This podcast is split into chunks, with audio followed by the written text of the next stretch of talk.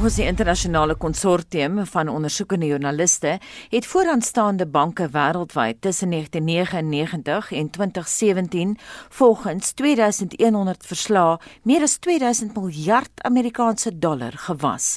Die banke is HSBC Holdings, JP Morgan Chase, Deutsche Bank, Standard Chartered Bank en die die, die Bank of New York Mellon. Die inligting is die naweek bekend gemaak nadat dit aan die media gelek is. Dr Dwayne Aslett van die program vir forensiese rekenmeesterskap by die Noordwes Universiteit gee perspektief oor die soort misdaad. Dis die ding vir banke is dat hulle weet dat dis hulle groot reputasionele skade as hulle hulle self skuldig maak aan hierdie goed. En met die miljoene transaksies wat hulle hanteer, is dit maar vir hulle uitdaging om al die goed op te tel wat daardeur gaan wanneer dit kriminele geld is. En ek dink byvoorbeeld aan Bank of Credit and Commerce International was 'n bank wat betrokke was vir doelbewus by geldwasery en uiteindelik toegemaak weens daai reputasionele skade. So ek dink nie banke is moedswillig in hoe hulle dit doen nie, maar dit is maar 'n uitdaging vir hulle om alles vasgevang te kry. Ten spyte daarvan dat hierdie banke gevestigde prosedures het, het dit vir twee dekades aangegaan. Hoe gebeur dit? Is moeilik om te sê. Mens maak mos daar staan op werknemers en daar is verpligtinge op banke om hulle werknemers op te lei om hierdie transaksies op te tel en te rapporteer aan die finansiële intelligensie eenheid. Die uitdaging vir hulle is, is om seker te maak dat hulle personeel weet wat van hulle verwag word en hou daarby net weet byvoorbeeld HSBC is al is al 'n paar keer ingeloop met groot boetes wat hulle moes betaal weens nie nakoming van hierdie reël. So dis wat gebeur wanneer hulle nie nakom nie, dan kom die beheerende liggame en gee vir hulle groot boetes. Selfs in ons eie land is 'n paar banke al deur die Reservebank boetes opgelê omdat hulle nie aan hierdie prosedures voldoen nie. Kan jy vir ons verduidelik wat die beweringe is en hoe die geld geskuif is? Wat die verpligting op die banke is, is hulle moet hulle transaksies dophou en enige verdagte of ongewone transaksies moet gerapporteer word in die berigplaas van SIA, Suspicious Activity Report. So dit is wanneer hulle agterkom hier is 'n transaksie wat nie strook met waarvoor die rekening bedoel was of dalk die rekeninghouer of iets van daai lyn nie.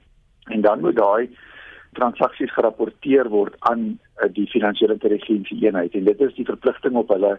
Een van daai afdelings is dan om te weet wie jou kliënt en waarvoor gaan die rekening gebruik word? En ons praat van due diligence so hulle moet weet wie hulle kliënte is en seker maak dat die kliënt dan die rekening gebruik vir waarvoor dit bedoel is en dit so rapporteer aan die eenheid. En ek dink wat in hierdie berig wat dit vol voorkom is of die banke het nie daai transaksies gerapporteer binne die gemelde tydperk nie. Dit lyk my dis 30 dae daar in Suid-Afrika is dit 15 dae. So sodra die bank optel hier is 'n verdagte transaksie moet dit binne 15 dae aan die finansiële intelligensie sentrum van Suid-Afrika gerapporteer word vir verdere analise en moontlike ondersoek. Doen maak dit reg as dit in die geheel gesien is 'n klein aantal gevalle is soos wat by Finken die Amerikaanse liggaam aangemeld is. Wat hier gebeur is dat misdaad word ondersoek vanuit 'n finansiële intelligensie hoek. So hierdie gewone ondersoek van die uh, gewone wetstoepassers, die polisie ensovoorts maar hierdie is 'n ander hoek wat geïdentifiseer is om sulke veral georganiseerde misdaad en grootskaalse korrupsie te ondersoek en vinnig op te tel weens hierdie intelligensie. So as daai intelligensie swak is, dan val dit in mekaar. As daai finansiële intelligensie nie vroeg geïdentifiseer sodat geanaliseer en ondersoek kan word nie, dan laat dit 'n leemte in die ondersoek van hierdie tipe misdade want die probleem met hierdie tipe misdaad is dit word genoem slagofferlose misdade want as my kar gesteel word, gaan sê ek vir die polisie my kar is gesteel en hulle weet dat om te ondersoek, maar gewoonlik met georganiseerde misdaad en grootskaalse korrupsie is daar nie noodwendig klaar wat die polisie daarop attent maak nie. So die manier hoe hierdie goed opgetel word is of deur beriggewers wat 'n tip of instuur of deur hierdie finansiële analise, hierdie intelligensie wat opgetel word. So dis 'n baie belangrike deel van die optel van hierdie misdaad sodat dit ondersoek kan word en dis waarom dit so belangrik is dat daar binne daai protokols gebly word. Kan jy sê vind ken die feit dat hulle twee dekades omtrent die reëls nie 100% toegepas het nie maak hierdie organisasie disfunksioneel. Die verslag het nie van die banke af, dis hoe dit lyk uit die berig uit. Die verslag het nie van die banke af na Fincent toe gegaan nie. So Fincent is Amerika se ewe knie van ons finansiële intelligensie sentrum Wanneer die verslae by hulle kom analiseer hulle dit om te kyk of daar rede vir ondersoek is in hierdie transaksies. En as hulle nie die inligting tydsaam kry nie, dan kan hulle dit nie verder analiseer en ondersoek nie. Ek dink die berigplaas van baie keer is dit 2 jaar later eers ingedien. Dan moet hulle ons prosedures hê wat dit voorkom. Wat dis waar die boetes inkom. Ek sien die banke sê hierdie is ou nuus en ons het reeds aangespreek en regstellende aksie geneem daarvoor. Omdat ons praat van finansiële intelligensie word dit baie klandestien hanteer natuurlik want is die banke kan ons ook rapport as gewone burgers want as daar nou skielik 'n snaakse transaksie in my rekening is dan sal hulle dit rapporteer. In geval waar ek 'n huis verkoop en hier kom skielik 'n groot bedrag geld in my rekening in wat nie normaalweg gebeur nie dan word dit gerapporteer en, en die sentrum analiseer verder en kyk okay daar's 'n verduideliking hiervoor is nie verder ondersoek nodig nie. Hmm so wat hier gebeur is daai inligting is gelek so die verbruiker het nou geleer daarvan. Maar gewoonlik word die feit dat die boetes opgelê word redelik wyd gekommunikeer om seker te maak dat die mense verstaan dat daar is aksie op nie nakoming van die reëls. Soos wat in Suid-Afrika gebeur het toe van die banke boetes opgelê en dit is dan die manier om die banke te kry om seker te maak hulle hou by die reëls is om aan hulle baie groot boetes op te lê vir nie nakoming. Dis nie net te sê hulle geld as reg gepleeg nie dit gaan oor hulle het nie die reëls nagekom het binne 'n sekere tydperk ingedien die verslae of die regte prosedures gehad om die transaksies op te tel sodat dit gerapporteer word nie. Wat is die uitwerking van geldwasery op 'n samelewing? Wel, dis juist wie die slagoffer is. So as mens dink aan korrupsie en ek mens hoef nie dit in Suid-Afrika te verduidelik of hoe dit nie. Ek dink ons almal weet hoe lei 'n land wanneer daar grootskaalse korrupsie is. Die korrupsie ensovoorts word gesien as in daai opsig as slagofferloos want jy het nie regtig iemand wat ingaan klag gaan lê by die polisie nie. En sê dit opgetel word deur so ek sê intelligensie of iemand wat inbel uit daai tipe dinge. So die samelewing lê onder hierdie tipe misdade want nommer 1 geldwassers betaal nie belasting nie, hulle wil nie belasting betaal op hulle vuil geld wat hulle op onwettige wyse bekom het nie. So normaalweg het die geldwasser skemas baie lae belasting betaling daarvan en aan die ander kant help dit kriminele om weg te kom met hulle misdade want as dit nie opgetel word nie dan kan hulle voortgaan met hulle onwettige praktyke. En dit is nou so gesofistikeerd geraak dat jy kry tot professionele geldwassers wat die diens lewer aan kriminele. So ek as krimineel hoef nie my eie ekspertise in geldwassery op te bou nie. Ek kan dit aan iemand anders gee om te doen en hulle vra fooi en hulle was my die geld op 'n professionele manier sodat dit nie terug kan kom na my toe as onwettige inkomste nie. En so sê Dr. Dwayne Aslet van Noordwes Universiteit se program vir forensiese rekenmeesterskap en hy het met Mitsi van der Merwe gepraat. Dis nou 20 minute oor 7 hier by Monitor op RSG en Venezuela moet van dese week antwoorde verskaf aan die Verenigde Nasies se Menseregte Kommissariaat oor grootskaalse menseregte vergrype wat terugstrek na 2014 toe. Intussen is Kolumbie in rep en roer met landwyse betogings wat duisende burgers van alle ouderdomme betrek. Die polisie se hantering daarvan lig egter die wenkbroue. Anita het die volgende verslag saamgestel. Popayan, 580 km suidwes van Bogota, is argitektonies gesproke 'n koloniale juweel. Nie al die pragtige stad se inwoners is dit egter eens hiermee nie.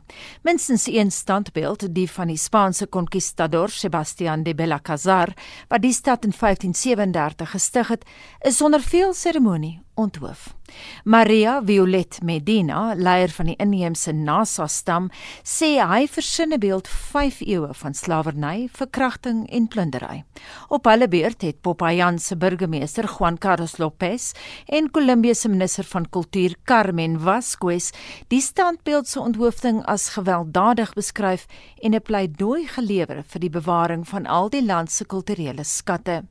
Wat in Popayan gebeur, is egter maar net een teenpool van die huidige oproer dwars oor Kolumbie, waar die polisie se brutaliteit rakend hulle hantering van die opstande deur menseregte groepe bevraagteken word. So vertel professor Lyle White, senior direkteur by die Sakeskool aan die Universiteit van Johannesburg. Started off in Bogota when a 41-year-old taxi driver and father of two was tasered by some police officials that found him having drinks with his friends and obviously ignoring the laws of lockdown. He was tasered to the point that he reached unconsciousness and he later died in hospital. And this obviously then resulted in major protests across the country. 13 lives were lost in these protests and they've been ongoing. And it really is a time for reflection in Colombia around the role of the police, police brutality and civil rights in general in that country. Ook groot nuus waaroor plaaslike kenners in Kolumbie kopkrap is die onverwagse apologie deur die Fuerzas Armadas Revolucionarios de Colombia, oftewel FARC, wat om verskoning gevra het vir die talle ontvoerings wat onder hulle vaandel plaasgevind het. Nie minder nie as 8 voormalige guerrillas het die families van hulle slagoffers om verskoning gevra. FARC se president Timo Leon Jimenez, onder sy kamerade bekend as Timochenko, het ook die verskoning of apologie onderteken. This is one of the longest running guerrilla groups in the world. It's a Marxist guerrilla group. They've been in effect for over 50 years. They were part of a, a war in Colombia. It was the longest running civil war in history that spanned over 52 years. They laid down arms back in 2017. There was a ceasefire in 2016.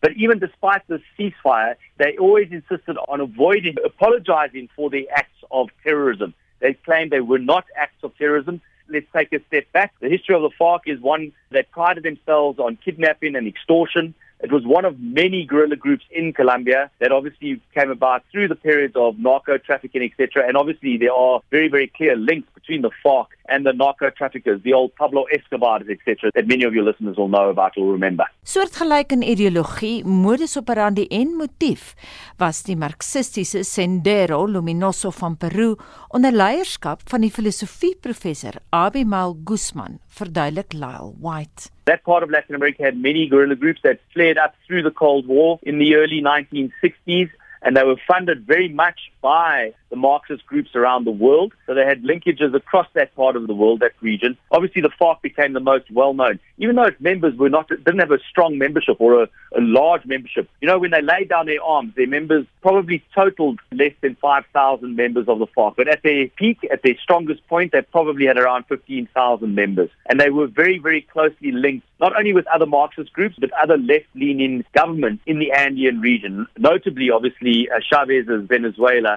and Ecuador.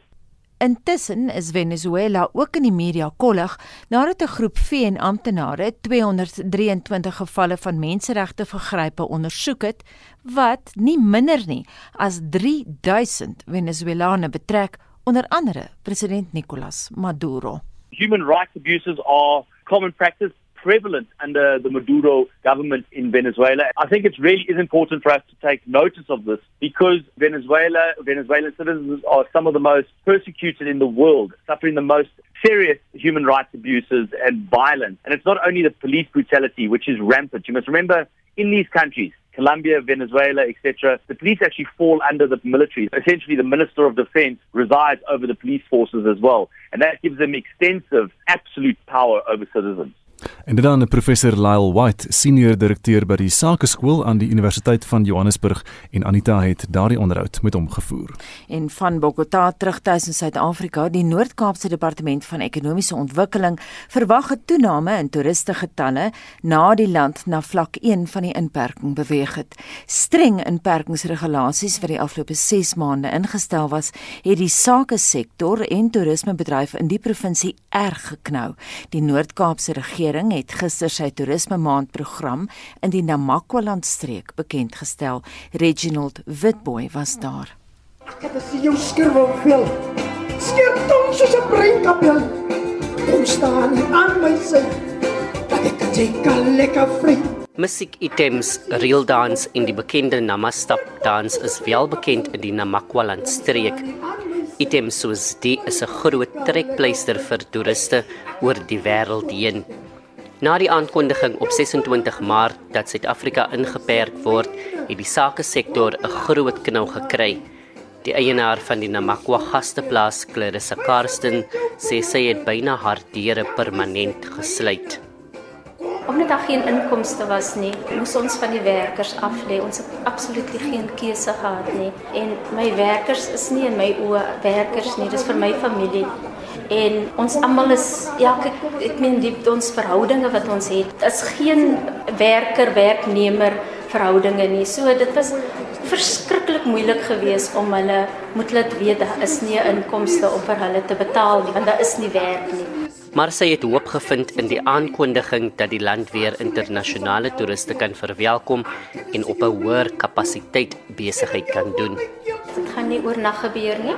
Dit gaan ten minste 'n jaar, 2 jaar neem om regtig weer op die bene te kom en onderhandelinge te maak om om afbetaal wat afbetaalbaar is en ja, dit dit gaan 'n lang tyd neem want ons was van tevore voor die voor die uh, pandemie was ons reeds in 'n resessie gewees. Ons het dit reeds gevoel vir al klein besighede en en dit dit gaan maar net moeilik wees. Dit, as jy sien die kettingreaksie van ander lande waar daar groot groot besighede val en watter effek dit nog op ons gaan hê. Sê ek net dankie Here dat ons nog dat ons nog staande is. Die Noord-Kaapse Toeriste Departement het sy toerisme maand program in Namakwaland bekend gestel. Die provinsiale departement van ekonomiese ontwikkeling het sakeondernemings verseker dat toeriste getalle weer sal vermeerder. Die Noord-Kaapse LER vir ekonomiese ontwikkeling is Abraham Vosloo. Ons verwagting is dat die getalle mense wat sal kom uit uh, uit Namibië uit by ons ons drie grense waar hulle deur beweeg van beide kante af verwag ons dat die getalle in terme van toerisme sal toeneem vanaf 1 Oktober. Inderdaad was dit 'n baie moeilike 5 maande vir die industrie. En uh, ons verwagting is dat vanaf die 1 Oktober sal sal die die getalle mense wat 'n uh, konferensie sal kom hou, mense wat by gastehuise sal oornag, mense wat sal in algemeen besigheid sal doen, sal dramaties toeneem. Vosloo sê 'n opname is gedoen wat 'n duister prentjie oor die toerismebedryf weergee. Ten minste 83% het aangedui van die besighede het aangedui dat dit is moeilik vir hulle om hulle werknemers te kan betaal, maar ook uh, in terme van verlore van van verlies in inkomste. Praat van omtrent uh, 55 miljoen rand verlies aan inkomste.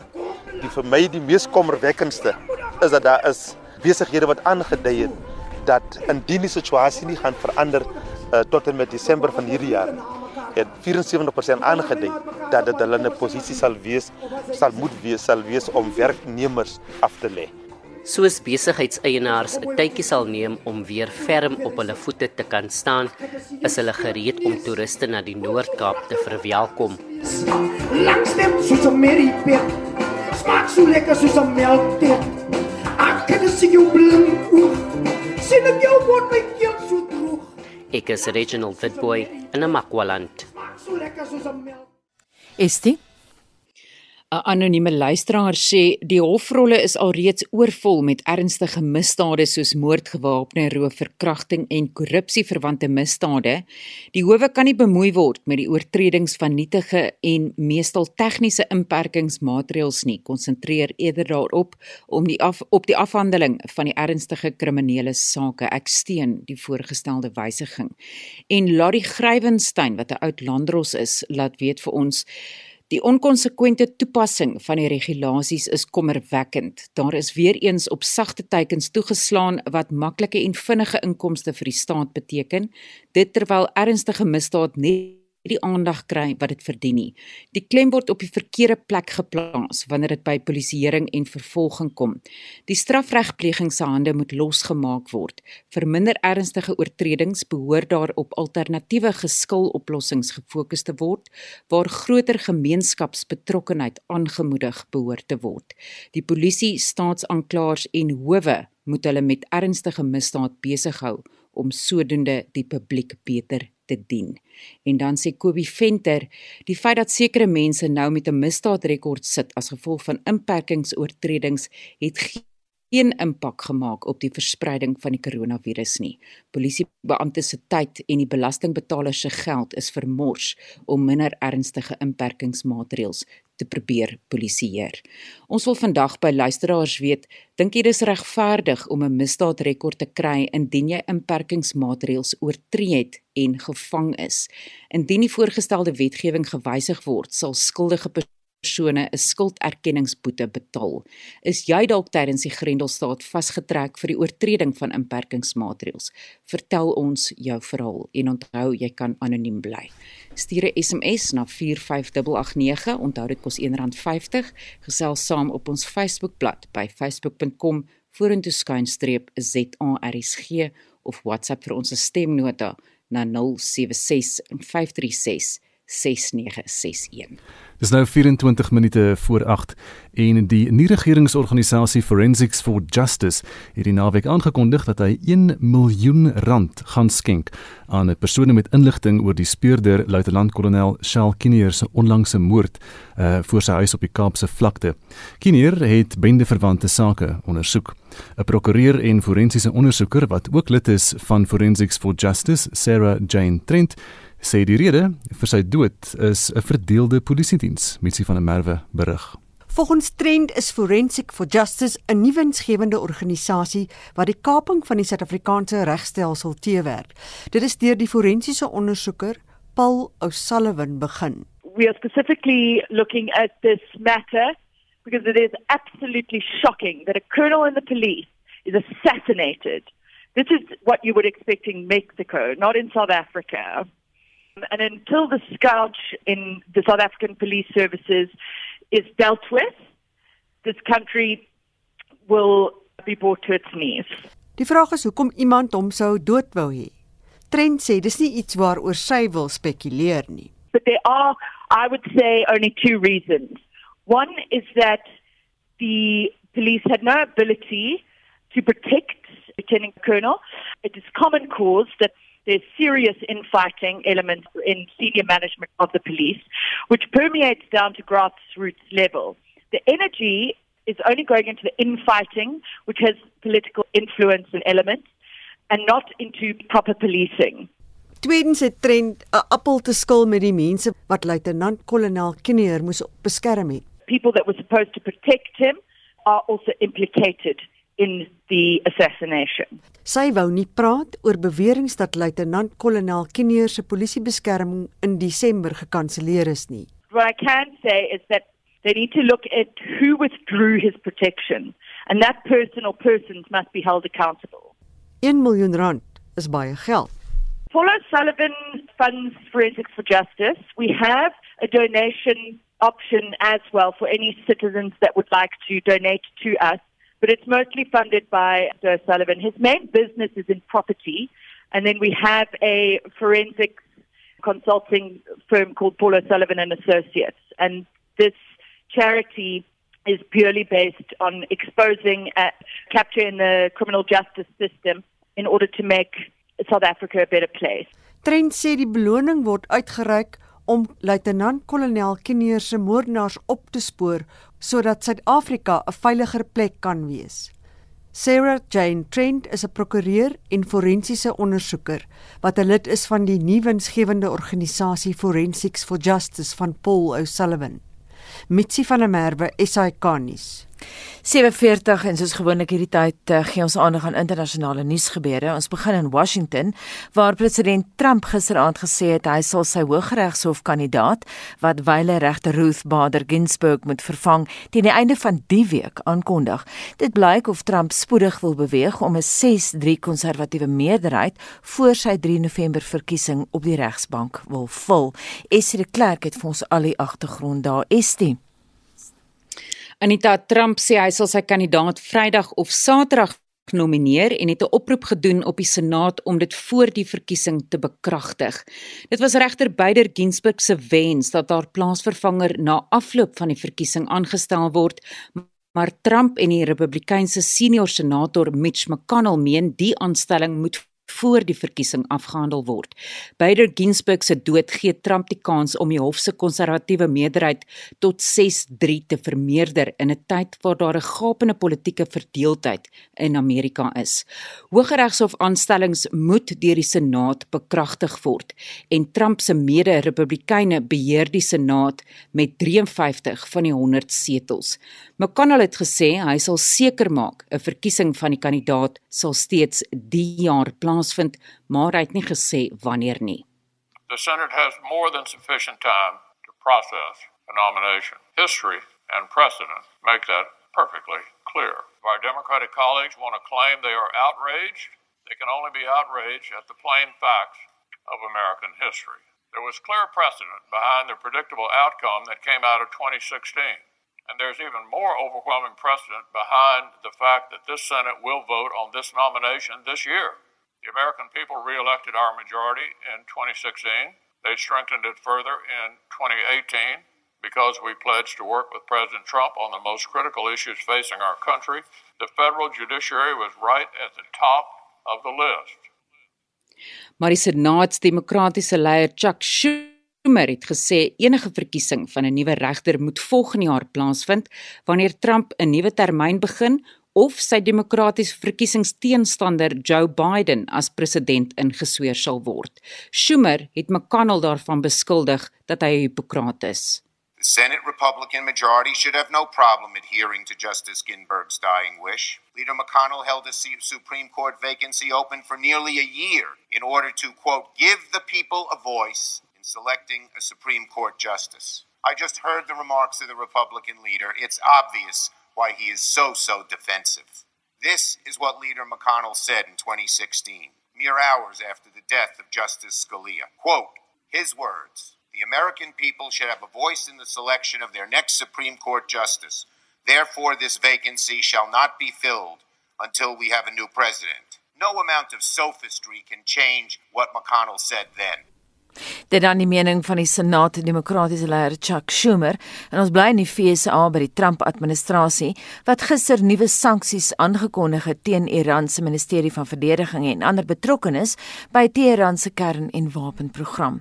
Dit steun die Amerikaanse bewering dat alle VN-sanksies teen Teheran nou herstel word, maar dit word deur Europese lande ontken.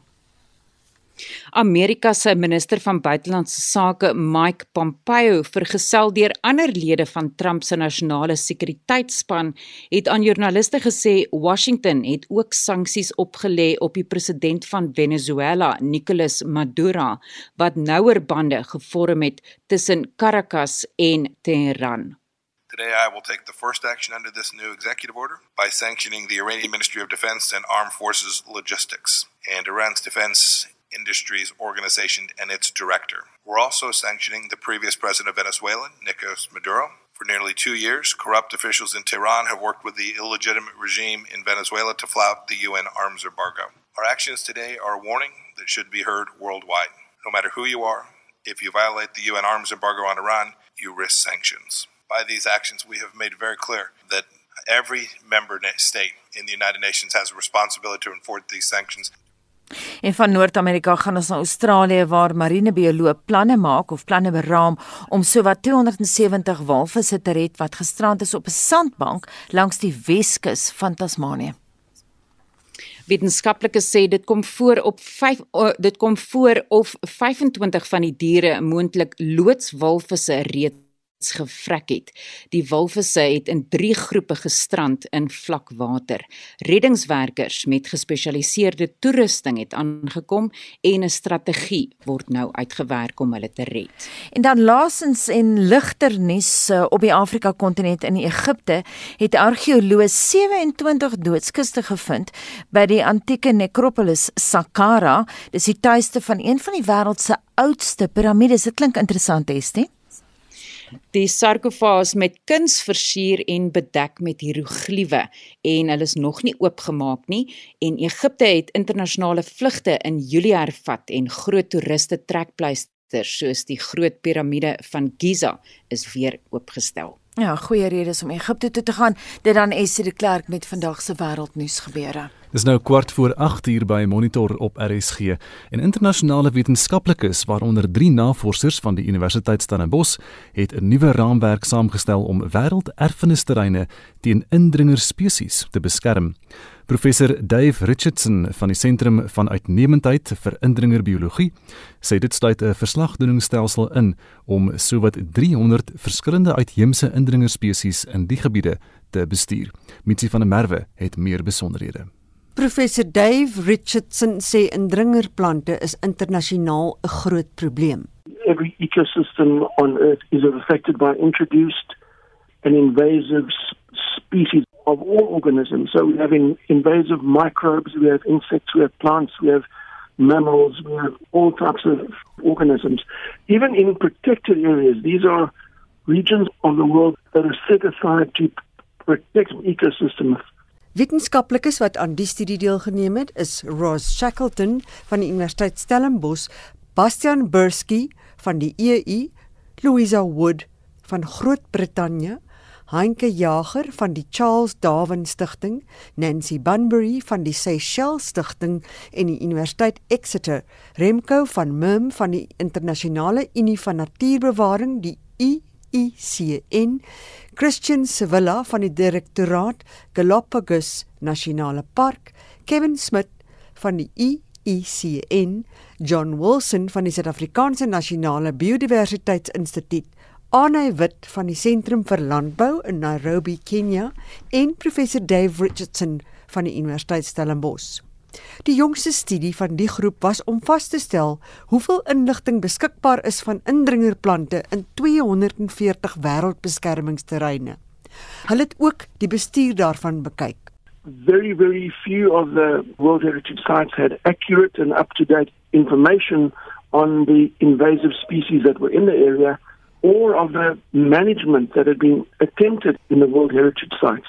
Our aim in this work was to develop a new framework whereby we ensure that all of these sites have the most up-to-date and accurate information that is possible. And we argue that this monitoring system is absolutely essential for justifying the application of resources to manage this growing problem. Die raamwerk stel protokolle voor in dataversameling en verslagdoening oor die manier waarop die uitheemse plante in die beskermingsterreine beland, watter spesies daar is, die uitwerking en bestuur daarvan, voorspellings oor toekomstige behoeftes en bedreigings en die identifisering van onderwerpe waaroor daar min kennis is. We're really hoping that these new guidelines that we are proposing really streamlines the things for more effective funding and also to elevate the public awareness of the already major but rapidly increasing threat that invasive species of all types are, are causing in these very, very important natural areas around the world. Die raamwerk is op sewe wêrelderfenisterreine ondersoek. We applied our intended framework for a handful of World Heritage sites, for instance, the El Aldabra um, Atoll Island and for the Fredefort Dome in South Africa. And we showed that if this framework is followed, we increase the amount of information that is available very, very substantially. And in so doing, open up the possibility of comparing sites around the world, exchanging information on management interventions that have worked and that have not worked, and thereby sort of really elevating this to an issue that funders and policymakers will really be able to understand. Boonop voeg professor Dave Richardson by dat die indringer spesies baie geld kos omdat dit duur is om te bestuur. It ranges from various actions that are needed to prevent new species from being introduced many expensive measures are needed for dealing with invasive species that are already there and widespread, and also to assess the impact and turn the information that emerges from such work into knowledge that is amenable and accessible to funders and policymakers. So it's a very expensive operation, but all the evidence shows it's really worthwhile. Professor Dave Richardson van die Sentrum van Uitnemendheid vir Indringerbiologie aan die Universiteit Stellenbosch. Mitsi van der Merwe, SAK nuus. En is nou 6 minute voor 8. Verbruikers in Suid-Afrika is nou meer finansiëel kwesbaar as voorheen. Dit is volgens die jongste Momentum Unisa Verbruikersfinansiële Kwesbaarheidsindeks wat uh, vir die tweede kwartaal van 2020 bekend gestel is. Die indeks het tot 35,4 indekspunte gedaal van 47,7. Eh, Jacques Meyering, die hoof van Momentum se persoonlike finansiële navorsingseenheid, sê sy is egter nie verras nie. Ons het uh, gesien dat verbruikers het 'n uh, regtig 'n baie baie moeilike tyd gehad. Nee, dis nie enigstens onverwags as 'n mens kyk na wat met ekonomiese omstandighede gebeur en as gevolg van die hele koronavirus en nagevolge van van die tyd wat ons in in lockdown sit nie. So uh, so ons verbruikers het regtig dis die dis die laagste wat die indeks nou al sedert die instelling van die indeks in 2009 sien die laagste vlak wat verbruikers se kwesbaarheid gedaal het. So of of die hoogste vlak eintlik wat hulle kwesbaar is, as ek dit so kan stel. En daar het ons veral gesien dat dat verbruikers is baie kwesbaar ten opsigte van hulle inkomste. So ons het dit ook verwag gegee dat 'n klomp mense hulle werk verloor het of nie kon werk in die tyd wat ons onder die hoë vlak met koronavirus se lockdown was nie. Kom ons kyk na die indeks self, die subsektore, waarna presies kyk julle alles? Kyk na om om 'n geheel beeld te kry van verbruikers se finansies. So ons kyk na inkomste, besteding, spare, e, sowel as skulddelging moontlikhede wat verbruikers kan doen. So dat ons kyk na al die aspekte van verbruikers se finansies om sodoende dan 'n 'n siening te kry van, van hoe die die verbruiker eintlik dan dan hulle finansies op die oomblik ervaar. Ons praat wel met ek net by sê, ons praat wel met informante wat vir ons wat 'n kenner is in die saak. So ons praat nie met omdat dit 'n kwartaallikse indeks is, praat is dit nie dat ons met die verbruiker self praat nie, maar ons praat met kerninformante wat vir ons kan die inligting gee van verbruikers wat met verbruikers eintlik werk. So rakende praat met mense wat in die handelsbedryf is. Ons praat met mense wat vir, met selfoonmaatskappye. Ons praat dan ook met navorsers en so wat wel werk met verbruikers se finansies en en natuurlik skuldinvorderaars ook om te hoor wat is die wat gaan aan op die grond met met die verbruiker. Dit lyk nou op hierdie stadium nie goed nie. Eh, kan mens dit net toeskryf aan die pandemie of was dit al sleg voor die pandemie begin het? Die verbruikers was al klaar redelik kwesbaar geweest voor die pandemie want ons het klaar in verlede jaar 2019 was was die ekonomie klaar onder druk geweest. Daar was al klaar groot probleme geweest van mense wat wat gesukkel het met hulle finansies. So dit dit was 'n herhaling of of net 'n aanhoudende eh, posisie van dit, maar dit is net ge, baie meer sterker gemaak hierdie uh, kwesbaarheid deur die dat baie mense hulle werk verloor het of nie kon werk of nie inkomste kon kry nie of nie by hulle self by hulle vriende en familie kon uitgekom het in hierdie moeilike tyd om natuurlik hulle hulle te kan nie onnodige ondersteuning ondersteuning te bied finansiëel en en andersins om finansiëel te kan floreer eintlik in in 'n baie moeilike tyd nê. Die toekoms, jy weet hoeveel mense gaan daar 'n verbetering wees? Uh, gaan ons nog 'n rukkie so sit met hierdie probleme? Ons het eintlik vir, vir ons informante het ons gevra wat is hulle siening rakende hoe lank dit gaan vat vir verbruikers om te herstel. En in die algemeen het ons gesien mense is, is van die opinie dat dit tussen tussen 2 en 3 jaar of meer as 2 jaar ten minste gaan vat vir verbruikers om regtig te herstel finansiëel na die pandemie. So dit is ons is in nog vir 'n baie interessante tyd. Ek dink ons wag nog vir sodra die nou toe mens weet wat presies met jou werkloosheidssyfers gebeur het en wat verder met die ekonomie gaan gebeur dit gaan alles bepalende faktore wees. Maar ek dink die belangrike boodskap wat ons net met daar uitsit is ja, verbruikers is baie kwesbaar, maar wat ons ook aan ag moet neem, mense kan gesien het hoe fantasties die die Suid-Afrikaanse verbruikers net soos wat tipies tot ons verbruikers is, kan kan planne gemaak het En dit was dan Jacques Meyering, die hoof van Momentum se persoonlike finansiële navorsingseenheid en sy het met Susan Paxton gepraat. En nou laaste stemnotas vir vandag. My naam is Esme van Aberdeen. Ek sal van die verskil en ek weet baie gaan ongelukkig wees oor dit wat ek gaan sê. Maar dis my persoonlike gevoel en mening. Landswet is gemaak vir almal om na te kom. En ons ander het almal die wette nagekom wat dit nie oortree het nie. Die mense wat dit willens en wetens oortree het, het ons ander se lewens in gevaar gestel. En as ek sien nou nog hoe loop hulle hier sonder maskers. Hulle het gedrink se naweke. Hulle het elke wet wat daar geplaas was, wat ingestel was, het hulle oortree. So hulle is misdadigers. Hoekom moet ons ander dan die wette gehoorsaam en nie hulle nie? Dit is hoe ek voel. En op daardie noot kom ons aan die einde van vanoggend se monitor. Ons groet namens ons waarnemende uitvoerende regisseur Hendrik Martin, die redakteur vanoggend was Jean Esterhuizen en ons produksieregisseur Daitrin Godfrey. Uh, Lenet Francis Buren is volgende op RSG met praat saam. Ek is Gustaf Vreiling en mooi bly tot môreoggend om 6:00. My naam is Anita Visser.